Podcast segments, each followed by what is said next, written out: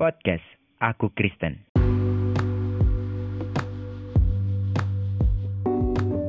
Shalom sahabat Kristen.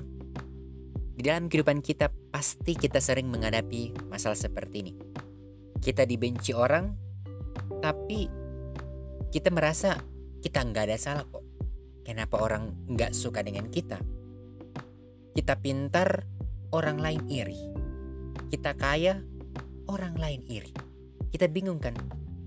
Sampai kita bertanya kenapa sih orang iri sama saya? Kenapa sih orang benci sama saya? Padahal saya nggak pernah berbuat salah kepada mereka. Di dalam satu Yohanes pasal yang ketiga ayat yang ke-13 berkata begini. Janganlah kamu heran, saudara-saudara, apabila dunia membenci kamu.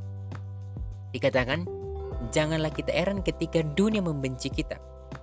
Karena kita bukan berasal dari dunia, tapi kita hanya bersiara di dunia ini. Kita hanya di dalam dunia ini.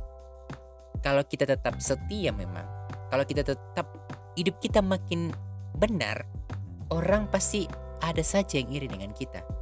Jadi firman Tuhan sudah mengajar kepada kita bahwa janganlah heran ketika kita semakin berbuat baik, semakin hidup benar, orang membenci kita. Itu wajar. Karena kita nggak serupa dengan dunia. Jadi jangan heran lagi ketika dunia membenci kita, ketika kita hidup benar, ketika kita merasa hidup kita nggak punya salah sama mereka, jalan saja. Dan itu sudah kodratnya. Kita nggak bisa membuat orang lain suka semua dengan kita. Pasti ada saja orang yang benci dengan kita. Jadi jangan berusaha membuat diri kita disukai semua orang, tapi jadilah diri sendiri, jadilah sesuai hidup sesuai dengan kebenaran firman Tuhan. Terserah orang mau benci dengan kita, nggak penting yang penting kita tetap bersandar sama Tuhan. Itu yang lebih penting.